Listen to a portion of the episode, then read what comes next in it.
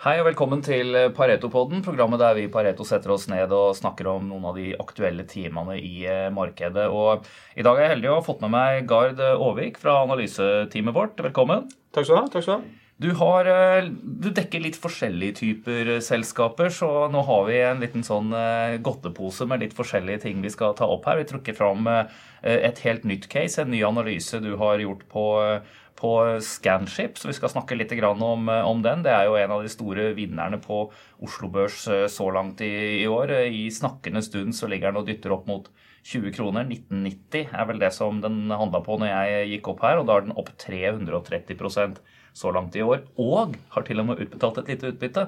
Så, så vi skal gå litt inn og se på den, eh, den, analysen. Den kan jo ses i sin helhet på eh, kundeweben vår. 66 sider når man gjør sånn initiation of coverage, eller oppstart av dekning, som, som det kalles hos oss, så, så, lager man ofte en veldig grundig analyse hvor du går litt mer inn i historikk, og, og alle kan si, dekomponerer selskapet og sektoren litt. Så det er alltid verdt å, å få med seg. Og så skal vi også trekke opp eh, Eh, to cases innenfor retail-sektoren. fordi ja, bare senest i, dag og i går liksom, så ser man jo eksempler på så kjente kjeder som går konkurs i Norge. Og dette her er ikke bare norsk, det er, det er internasjonalt. Det er mange som sliter innenfor retail-sektoren nå. Det er sterkt press på lønnsomhet. Eh, men oppi dette her så har vi to selskaper vi dekker som virkelig går mot strømmen. og Det er for så vidt det er KID og det er Europris. Mm. Og vi skal se litt på hvorfor. Er, eh, har de funnet nøkkelen til suksess? Så det kommer litt senere i, eh, i sendingen. Men, eh, men, først Scanship Holding. For de som har fulgt litt med på videoene våre, så har jo vi hatt par, en, en liten selskapsgjennomgang her med Badin, som er CEO. Og vi hadde også et kort intervju når han var på, på en konferanse vi hadde i Stockholm på Clean Energy. Men, men, men Scanship, Gard, hva er det her for slags Hva er det de driver med? Altså Scanship leverer jo system eller teknologiske systemløsninger eh, eh, innenfor nå primært cruiseindustrien frem til nå, eh, som retter seg mot å utnytte ressurser og, og hjelpe til eh, for cruiseindustrien for å, å, bli mer bærekraftig. Så det de gjør, er at de, de har avfallshåndteringssystemer, de har vannrensesystemer, og nå utvikler de også teknologi for å kunne utnytte denne på båten for å også kunne gjøre enda større verdi ut av det her, og, og gjøre dem til biodrivstoff. For å kunne gjøre ytterligere kostnadsbesparelser. Ja, fordi eh, analysen har tittel 'End of Waste, Birth of Value'. Og, og det er jo litt hvordan man ser, eh, og hvordan selskapet selv forteller om at dette her har endret seg litt den senere tiden. Det, det begynte med liksom sånne ting som var Eh, nice to have, og at en del selskaper ville være miljøvennlige og på en måte håndtere avfallet sitt eh, mm. bedre. Men så ender jo dette opp med at det dels beveger seg inn mot at det kommer jo til å bli krav, og det har det blitt mange steder i verden, at, at det skal håndteres eh, Nullutslipp er liksom målet. Mm. Men også det at de har jobbet med en prosess for at dette ikke bare skal bli en kostnad, men også noe som som, hvert fall, altså, som blir en ressurs da, som du får inntekter på, i noen tilfeller såpass mye at det dekker kostnaden din. Ja. Eh, og eh, det er jo et helt annet regnestykke, og gjør jo selvfølgelig at redere og andre selskaper som er kunder her, da, mm. de, eh, de, fatter, lener seg forover og spiser pennen, mm. liksom. Mm. Altså, det er jo både de miljømessige trendene man ser, fordi cruiseindustrien er en stor industri og har vært i vekst de siste årene og vil fortsette å vokse. Men samtidig så er jo man avhengig av at man har reisende Eh, og eh, vi som privatpersoner som er disse reisende, vi blir jo enda mer miljøbevisste.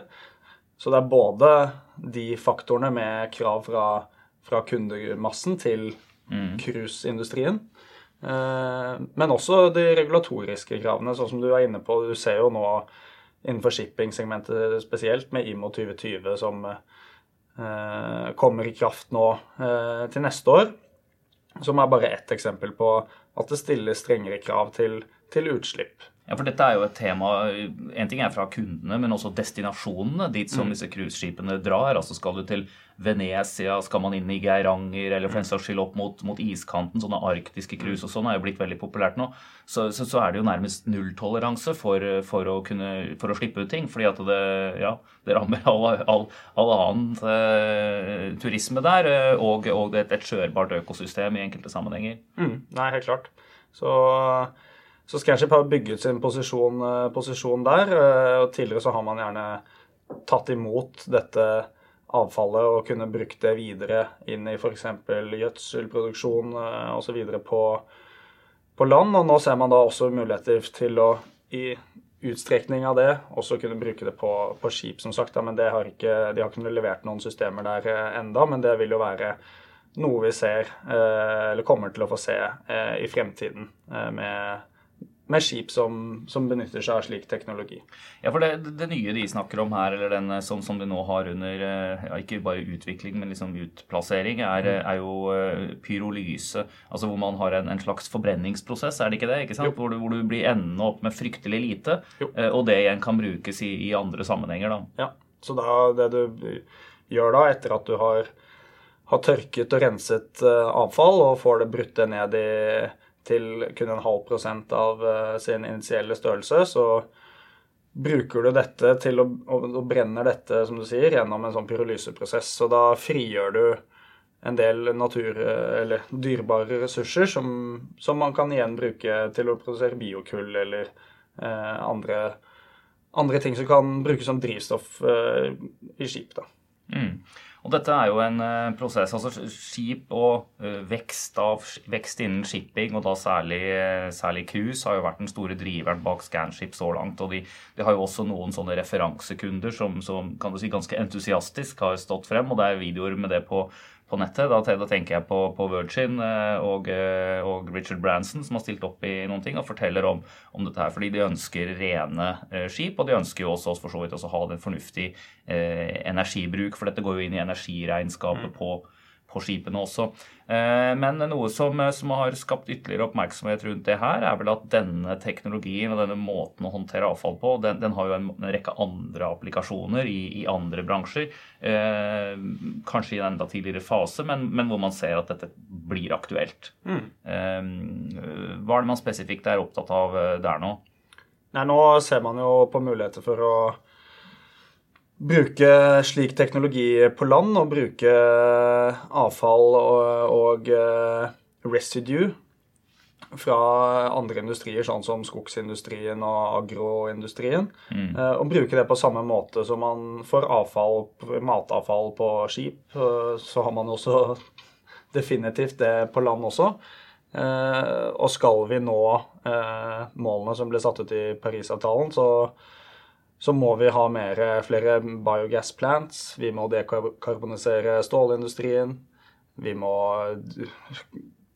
bruke mindre, bruke mindre plastikk, eller i alle fall rydde opp bedre og, og ta vare på de mm. ressursene som, som, faktisk går inn i disse materialene. Og ikke minst innen oppdrettssektoren eh, også, vil jeg tro. Det, har jo fått økende oppmerksomhet også den, den senere tiden i i eh, media, og kan du si både med disse eh, anleggene på land, men også kanskje at det vil bli strengere krav til, til anlegg eh, enkelte steder i sjøen, og mer lukkede anlegg, i hvert fall. Og der, der er jo avfallshåndtering og gjenvinning av eh, energi eh, og fôr, for så vidt avfall, et, et viktig tema.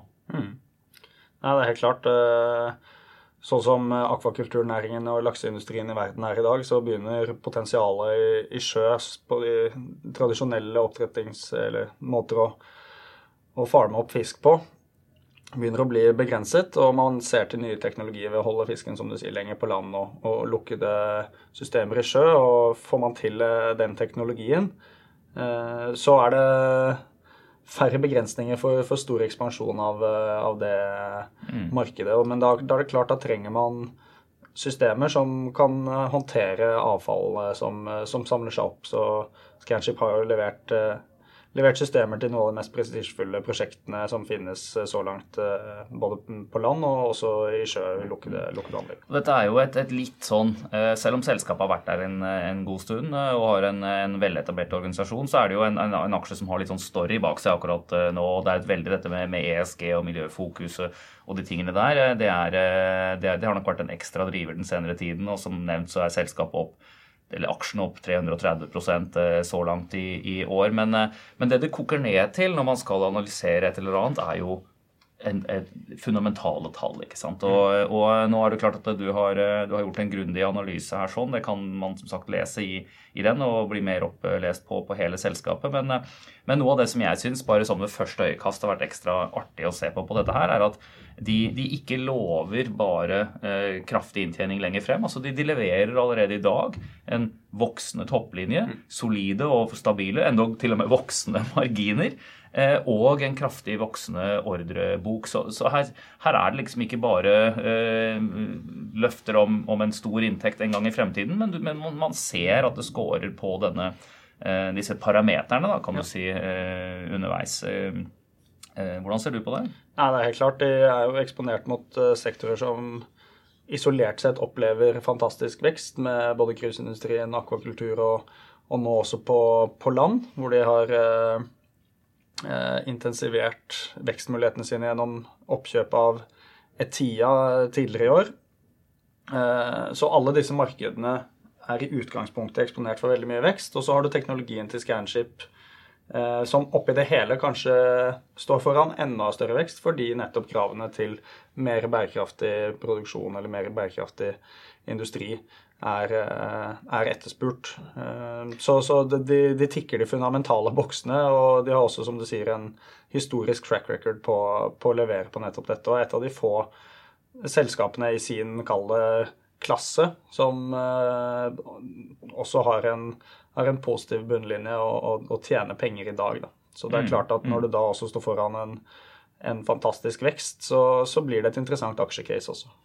Definitivt. Det er jo et Og dessverre kan man vel nesten si på den ene siden, heldigvis, ettersom hvilke, stol man, hvilke, hvilke hatt man har på seg, så er jo eh, jeg vil jo si, jeg, Det hadde vært gøy å sett at et slikt selskap som dette her virkelig kunne vokse år for år for år for år eh, og blitt ordentlig stort med et norsk utgangspunkt. Men eh, fra investorsynspunkt så er det jo også en, dette er jo en mulig oppkjøpskandidat. altså Dette er jo typisk temaer som, som store industriselskaper sørover i Europa, også, og for den saks skyld USA, eh, også er veldig oppmerksom på, og hvor det, hvor det skjer mye M&A, mergers and acquisitions.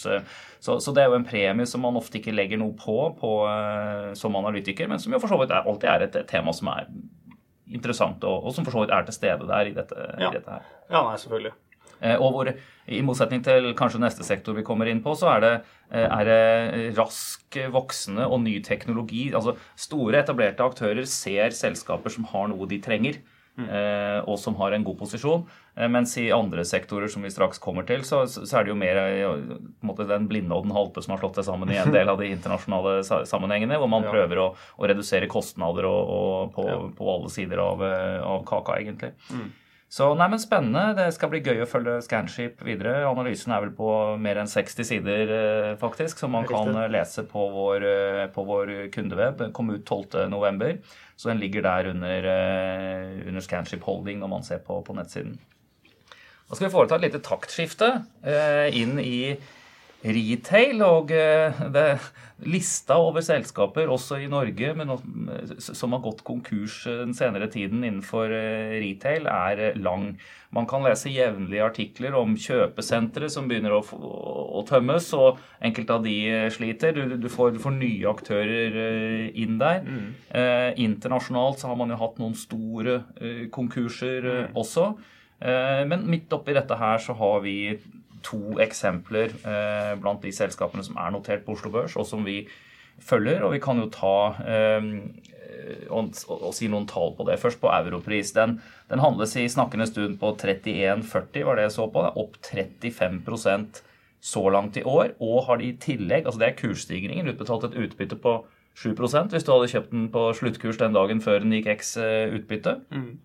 Så har du Kid, eh, steike fine gardiner, som man husker fra reklamen. Mm. Som altså er eh, på, på i snakkende stund nå 47,50 var kursen da. Det er opp 32% så langt i år. Også utbetalt et utbytte på i underkant av 5 eh, Dette er hvordan får de det til?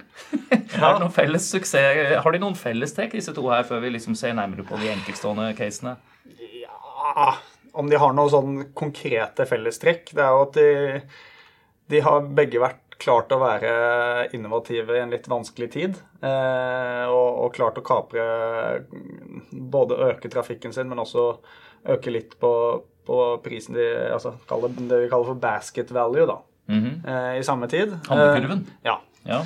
Eh, verdi, verdien på den, og eh, også at på en måte den oppfattede kvaliteten på butikkene har, har vokst, men sånn segmentmessig og, og, og, hva de selger, så er det ikke nødvendigvis mange, mange likheter. Eh, men begge to veldig, veldig spennende case.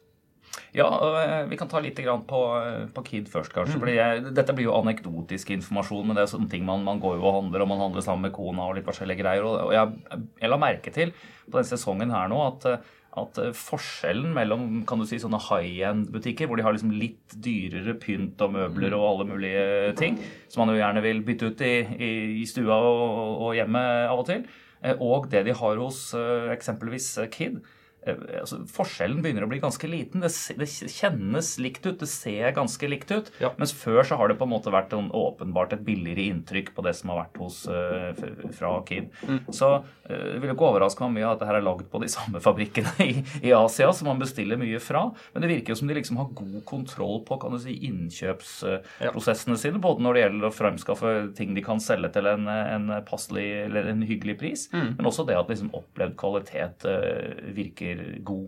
Ja, Nei, og det det er, helt riktig. Og Kid har vært flinke på, på kampanje, altså ved planlegging av, av kampanje og styring, styring, av det. De har eh, Om ikke nødvendigvis produktene er blitt eh, i seg selv veldig mye bedre, så har de hatt en litt sånn opprensing i, i hvilke eh, kategorier man skal satse på, og mer eh, spisset eh, utvalget mm. sitt. Eh, samtidig som de har vært veldig flinke på å få fokus Eh, på interiørvarer over mer på kanskje inspirasjon og interiør, spesielt da i, måten de reklamerer på, den illusjonen du ønsker å skape, og måten du fanger kunder på. Eh, ved å inspirere og, og, og, vise til inspirasjon. Eh, kontra andre som, i samme kategori som kanskje har hatt et større rent produktfokus. Så ja, for vi skal, ikke nevne konkurrenter her eh, direkte, men, men, det er eh, Vi ser vi ser jo eksempel på andre butikker innenfor samme segment som liksom ser like ut som de gjorde mm. for fem år siden, og, og, som oppleves litt sånn utdatert på en måte. Og jeg merker jo også på Kid at det har kanskje vært en vridning bort fra det klassiske bare gardiner til liksom å være mm. veldig mye annet uh, av den type ting man, uh, man har uh, hjemme. Og ja, det er tydelig at det er noe som er riktig, men eh, og ennå så er det vel Dette er vel ikke en, eh, en eh, at De har på en måte ikke uttømt sitt fulle potensial ennå her, sånn, verken på kan du si, salgssiden ut mot kunder eller på kostnadssiden på andre siden. Jeg vet ikke hvordan du ser på, nei, på det caset? Nei, det er klart at de har fortsatt Det er jo kundeklubber her, og det er som, som stadig utvikles. Og, og, det å spisse utvalget og, og kampanjene når man lærer mer om kundene. Og det er én ting som vil fortsette å drive vekst slik som vi ser det. Og så har du en fortsatt modernisering og relokalisering av butikker som, som driver mye av det, nettopp sånn som du nevnte. at du, du får det inntrykket når du kommer inn i butikken at det, det, det, er bra og det føles bra. Du sammenligner det mye i større grad med disse high end-butikkene. Og det, mye av det går på, på bare hvordan, du, hvordan uttrykk butikken gir. Eh, og der har de fortsatt flere butikker som, som står ovenfor en slik modernisering. Eh, så bare det inntrykket vil jo være med på å dra trafikk inn i, inn i butikken. Mm. Eh, og på, på, på innkjøpssiden, som, som, vi var kort inne på i stad, så, så, har de vært dyktige på, på, på å treffe og, og, holde marginene stabile. Så, så det er kanskje ikke så mye å gå på på marginsiden eh, i det aller korteste bildet. Eh, de, vi ser jo på de fundamentale tallene her at mm. de, de, har en, eh, en, eh, hyggelig og positiv eh, margin. Men, men, det er da først og fremst topplinjevekst som kanskje skal være driveren for, eh, ja. for en, en, økende aksjekurs her fremover. Og, og et, et, en linje i tabellen som jeg alltid fokuserer på, er liksom, som for så vidt er det som er viktig når du er eier av egenkapitalen, eier en aksje, mm. det er jo return on equity, eller avkastning på egenkapitalen, som liksom har ligget eh, i området mellom 10 og 20 og da gjerne i den øvre halvdelen av det du ser på 2019 ligger vi på rundt 18 og det er jo mm 18-19 det ser du har liggende i de, de, nærmeste årene fremover her også. Mm. Og det eh, samtidig med, med, en relativt uh, lav gjeldsgrad på balansen, ser det ut til. Ja, nei, Dette her, er jo sunne fundamentals, er det ikke det man kan si? Sånn. Veld, veldig sunne. Og så nå har du jo kjøpt de opp et, eh, et svensk selskap tidligere år som er et litt mer sånn turnaround-case, men som som tilbyr de samme produktene som heter Hemtex, mm. for de som ønsker å lese seg mer opp på det.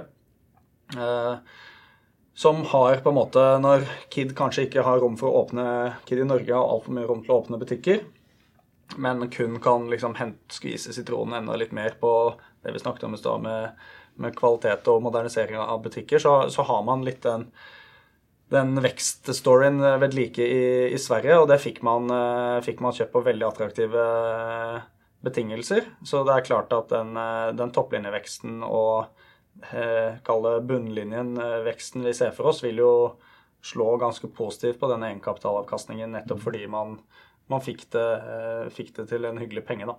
Ja, for inn, Sånn er det jo med alt, både for selskaper som kjøper hverandre, og for folk som skal kjøpe aksjer. altså inn, Innstegsprisen din, hva du fikk kjøpt det til opprinnelig, mm. det, er, det, er, viktig for hvor godt man kan uh, komme ut av det. Mm. Uh, Hemtex er jo så vidt jeg kjenner, et, et, kjent merke i Sverige, og her har du jo på en måte et blueprint som funker bra i Norge, da, og hvor de kanskje kan, eh, kan prøve å gjøre en del av de samme tingene. Helt klart. Og selvfølgelig på lengre sikt så har du også forhåpentligvis litt skalafordeler på innkjøp òg, som gjør at man også kan se litt utvikling på marginsiden. og når de, når de, har fått integrert sine systemer i den svenske businessen. Mm, interessant. Det er jo Av de tre selskapene vi snakker om nå, så er vel dette den med, med lavest kan du si, daglig handel. Det ses jo ja. kanskje på mange av som en, en, kjedelig aksje, men når ting er opp 30% på et år og du har fått et utbytte i tillegg, så er ikke det kjedelig. Det er, eh, det er bra. Neida.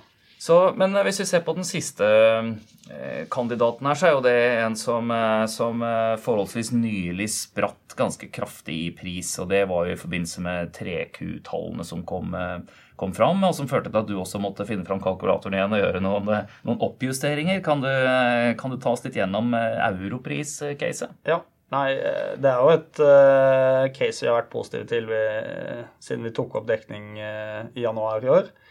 Eh, det kommer fra en litt mer eh, en rotete setup, vil nå jeg tørre å påstå, med salg av eh, kall det det man kaller for bredt vareutvalg.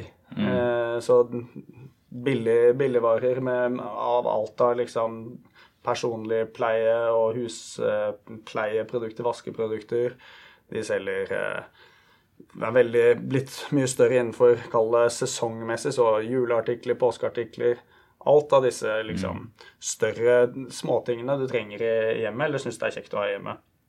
Og de kommer fra en historie hvor de hadde et litt mer rotete setup, vil jeg tørre påstå, i forhold til hvordan butikken så ut og, og kalle opplevelsen av å gå i butikk. Ja, Du fikk eh, ikke noe high-end-følelse når du gikk inn på, på, Europris. Det var kanskje ikke det de var ute etter heller, men Nei. det var ting sto på paller, og ja. liksom det, det, det, ga det inntrykket av at her er det billig, men samtidig så, så, så ønsker kanskje ja. forbrukerne litt mer nå i, i dag. Eller det vil si det går an å gjøre ting billig, men allikevel at du liksom løfter det et tak. og det det kan du tjene på kanskje sånn salgsmessig. Ja, Det er jo det jeg føler at Europris har, har lykkes med, og det er nok det investorene og markedet også så litt inntrykk av nå når man har hatt flere gode kvartaler på rad, hvor man igjen hele tiden beviser at de har en veldig god salgsvekst som drives nettopp eh, dette at de har eh, modernisert eh, butikkene sine kraftig. De har spisset vareutvalget sitt med kanskje et enda bredere utvalg innenfor hver kategori. Så når man før solgte flere kategorier med dårligere utvalg innenfor hver, så har man spisset det, og, men også økt utvalget internt innenfor hver kategori.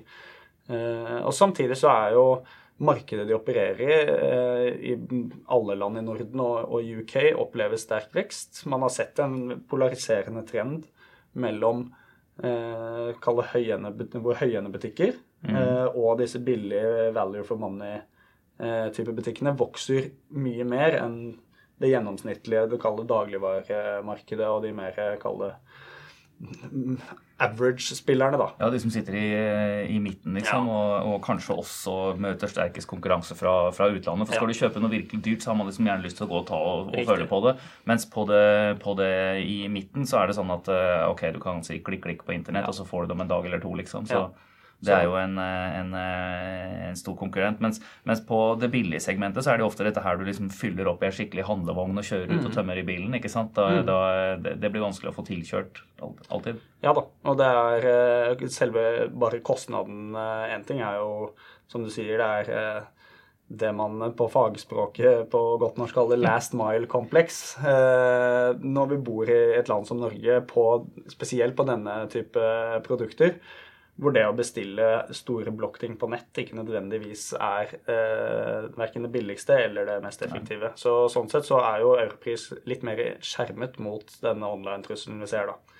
Vi må jo ta en liten side story her, egentlig. fordi Når du var på den 3Q-presentasjonen, så er det jo på denne type selskaper så er det jo ofte vanlig at de som møter opp på presentasjonen, de får med seg en sånn liten pose med vareprøver hjem med en såkalt goodiebag. Ja. Og oppi den eh, så dro du fram en, en sånn julegenser. Ja. Og vet du, Veddemålene rundt meglerbordet her gikk ganske høyt for at du skulle kunne ta på deg den og bli avbilda med den julegenseren på deg, men det, det fikk vi ikke. Nei, vi får se. Får vente, vente, vente, vente til eh, desember i alle fall. Vente til jul. Ja, får vente til jul.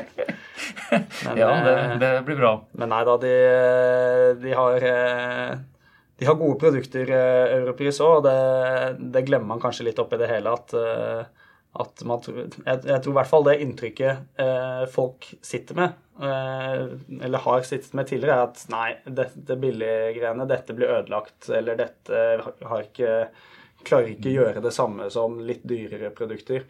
Jeg tror eh, norske forbrukeren har fått eh, prøvd det ut litt og sett litt nå. Nei, men jøss, det, dette funker jo. Dette er jo dette er gode produkter. Jeg tror at det også har vært med på å dra veksten eh, litt i Europris. Man ser en klart økende, økende trafikk i, Ja, men i Går man inn i butikken, så vil du jo finne en del av de der kjente merkevarene innenfor Ja. altså hygieneprodukter, tannkrem, sjampo og alt mulig Ja, ja. sånt. Du finner en del av, av det. Men så er det jo, da ser man hos en rekke andre butikker, så har de jo begynt med en del sånn private labels, eh, altså at man selv har laget produkter. Og, det er vel også noe som Europris, eh, så vidt jeg hørte, skal, Mm. skal gjøre noe mer av, og som kan være en, eh, en ytterligere driver. Helt riktig. Eller så er det jo en, eh, det nøkkelen til suksess for alt mulig innenfor retail. Retail er jo salg til sluttbruker. Eh, At det, det er jo å få folk inn i butikkene. Mm. og det er vel ofte sånn for, fordi at det, den butikken som klarer å få en kunde inn, den har vunnet i hvert fall litt den dagen. fordi det, det er jo sjelden at det er noe mindre i handleposen når det går ut enn det du hadde planlagt. Nettopp.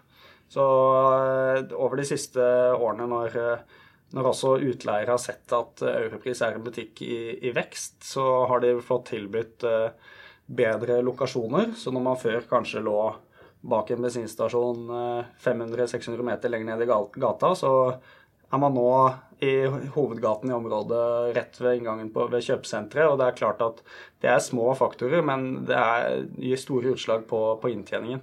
Så sånne ting bidrar jo til at, at dette selskapet kan vokse. For da er det, som du sier, selv om man kanskje Selv de kundene som ikke nødvendigvis hadde tenkt det skulle gå på Europris den dagen, de, de ser jo jøss, ja, men her kan jeg gjøre en kjempedeal. og, og tar turen innom. Um, Så ting som kan drive topplinjen, det er liksom en del ting, så en del faktorer som, som, som eh, peker i riktig retning, og som vi kan se utvikle seg ytterligere fordelaktig for, for Europris. Men, eh, men eh, bak butikken, der, eh, der kommer varene inn. ja, og der Og her har de gjort noen spennende ting nå. ja, der skjer, skjer det også ting. Så Europris har jo ikke De har jo alltid sagt at de skal ikke være noen first mover på implementering av ny teknologi eller nye systemer og ta, ta risikoen ved at ting kanskje ikke funker, for sånn har ikke business-setupet vært.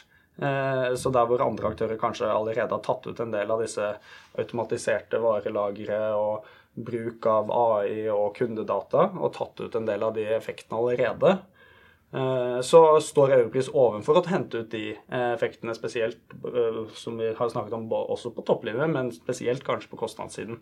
Mm. Så nå i, i mai så åpnet første del av eh, det nye varelageret deres eh, i Moss. Eh, og del to av det vil stå klart til neste år. Eh, så tidlig, tidligere så har man hatt fem forskjellige varelagre med forskjellige typer produkter overalt. Og det er jo klart at eh, når eh, de har opplevd slik enorm vekst som de har i butikken, og at du har store lastebiler som må kjøre via alle, alle lagre og så til butikk og tilbake igjen. Og det er klart at da påløper det mye kostnader. og det går også utover kunden dersom man havner i utsolgtsituasjoner i butikk hvor man, fordi flyten på varelageret ikke er god nok. Eh, Så det at de nå kommer med dette nye varelaget som delvis står klart nå, og er helt ferdig til, til neste år, det, det vil gjøre mye på, på logistikksiden og på, på varelagerkostnadene. Så mm. marginforbedringer drevet av kostnadsreduksjon er også noe vi kommer til å få se. eh, Ligger det i noe særlig grad inne i estimatene dine allerede? ja, eh, jeg har jo, har jo sett på det som en, en av driverne, driverne i caset, men selvfølgelig hvis du hvis du virkelig lykkes her, og du ser at vareflyten er, er enda høyere, og du har fullautomatiserte løsninger, eh, så, så er det jo rom for ytterligere, ytterligere forbedringer. Det som nødvendigvis ikke reflekteres så godt, er jo eh, innkjøps... Eh, altså skalafordelen de kan få på innkjøp. De kjøpte jo i fjor eh, 20% i et i ØOB i Sverige, som er et lignende, lignende Kall det Sveriges svar på Europris. Sverigepris? Ja. Eh, som, eh, som, de nå begynner å ha innkjøpssamarbeidsavtale med, sammen med Tokman Tokmanni i Finland, som de allerede har avtale med. Det er klart at Når de kommer med en eh, stor aktør som da kjøper større kvantum fra Sourcer jo mye fra, fra Asia, mm. spesielt Kina. Så har man potensial for å ta ut, uh, ta ut uh, fordeler på det og gjennom, gjennom skala og, og, og, kostnadsreduksjon. Så det er ting som også kan overraske på, på oppsiden. Men allerede nå, hvis man tar en liten kikk på, på tabellen, som jo alltid står på, eh, på førstesiden gjerne i disse analysene, de, de nøkkeltallene fra, fra, regnskapet, så, så, ser jo dette her enda bedre ut enn det det gjorde på, på KID, når vi ser på disse linjene som jeg ofte har vært litt eh, opptatt av, dette med avkastning på egenkapitalen. For her, her ligger du med en return on equity på, på over 20 mm. Eh, og opp mot 25 eh, kanskje 26 til, til, neste år. Og det med utbytte, en utbytteprosent som også er enda høyere, altså liksom nord for 6% altså. Så dette her ser jo nesten for godt ut til å være sant, liksom. Ja, nei, og det, vi tror i hvert fall ikke at det, det er det. Eh, vi tror at det er, eh, det er sant, og at, eh, mm. at, den utviklingen vi har sett Europris levere nå, hvor de har vært bedre på å gjøre kjøpeopplevelsen bedre for, for kundene sine. De har hatt et uh, mye større fokus på og fått sett veldig positive resultater på uh, det sesongmessige vareutvalget. Altså ting som handler om uh, salg av juleartikler, som vi var inne på, påskeartikler. Og, og, og bli den kalde Eh, go to-butikken innenfor eh, det assortimentet der.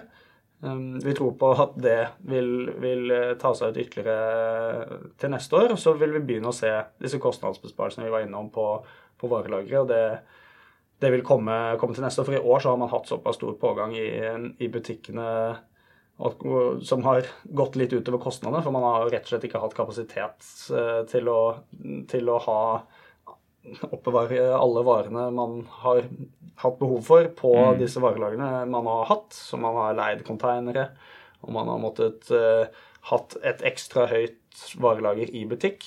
Uh, ikke til å sammenligne med andre butikker som, som sliter med, med, det samme, men dette er nettopp for å, for å kunne ta ut uh, salgspotensialet, rett og slett. Det har vært så stor etterspørsel etter, etter mange av produktene deres. Så, så selvfølgelig, når man fjerner en del av de ekstraordinære kostnadene som har vært i år, så ser jo kanskje forbedringen ut, inn i neste år enda bedre ut, men det er egentlig mm. bare et resultat av at da har man fått litt mer ting på plass, og da forsvinner en del, da forsvinner jo de ekstra kostnadene man har fått i år, samtidig som man får kostnadsbesparelser, og man har den økende topplinjen som man, som man har sett mm. også i år, som vil utspille seg også til neste år. En ting som er vel felles for disse to selskapene, og som kanskje kan være en sånn nøkkelfaktor til å lykkes eh, i retail, altså i og med at de to er eksempler på det, det er jo å, å gjøre smarte ting over tid. Bygge stein på stein på stein. For det er jo ingen her som har noe sånn stort månelandingsprosjekt eller noen enorm investering som på en måte er noe som, som, som, slår sånn binært ut og kan bli et kjempeproblem fremover. Iallfall ikke det inntrykket jeg eh, har av det. Nei, nei. Altså Retail er, det er detail. Det er, de ja. små, det er de små tingene som du må jobbe med kontinuerlig hele tiden. Og begge disse to selskapene har vært veldig flinke på å adressere eh, sin, sin kjernekunde. Eh, og appellert veldig til de, eh, og har klart å drive vekst. Og samtidig som de har gjort det, så har de også hatt ytterligere kundegrupper i, i, i bakhodet og klart å Samtidig som de har spisset utvalget sitt inn mot denne kjernekunden, så har man også klart å få med seg fange litt flere, fordi det generelt har blitt enklere å handle i butikkene til begge to. Gjennom at de har modernisert butikkene. Det, det ser bedre ut. Eh, kvaliteten eh, på selve handleopplevelsen rett og slett er blitt bedre. Mm. Uh, og det i en sånn bransje man, man ser i dag, hvor, eh, hvor online-aktører kommer inn og blir, blir, en mye større trussel, så er nettopp det å ha, ha, ansatte som er dyktige og ha en butikk som ser fresh ut, det, det er veldig viktig. For nordmenn verdsetter fortsatt den shoppeopplevelsen stort. Mm. Men da er det viktig å være en aktør som faktisk får kunder inn i butikken når eh, konsumentene er ute på, ut på handletur. Og den eh, som får kunden inn i butikken, vinner, og retail is detail. Der har vi et par eh, talking point som kan være verdt å ta med seg for, eh, for dere lytterne der i dag. Og alle disse aksjene har jo gått en del i år, men vi ser ytterligere oppside. Vi følger disse selskapene jevnlig. Så her kan man lese analyser på samtlige inne på vår kundeweb. Jeg vil spesielt anbefale da disse initiation of coverage, oppstart av dekning, hvor man har en ekstra grundig gjennomgang av, av caset. Det ligger da inne på alle de selskapene, vil man kunne finne det der. Og da sist på Scanship Holding. Tusen takk til eh, Gard Aavik, og eh, til dere der ute. Hvis dere liker dette, så del det gjerne i andre former for sosiale medier. Det setter vi stor eh, pris på. Så høres vi igjen ved neste korsvei. Ha det bra.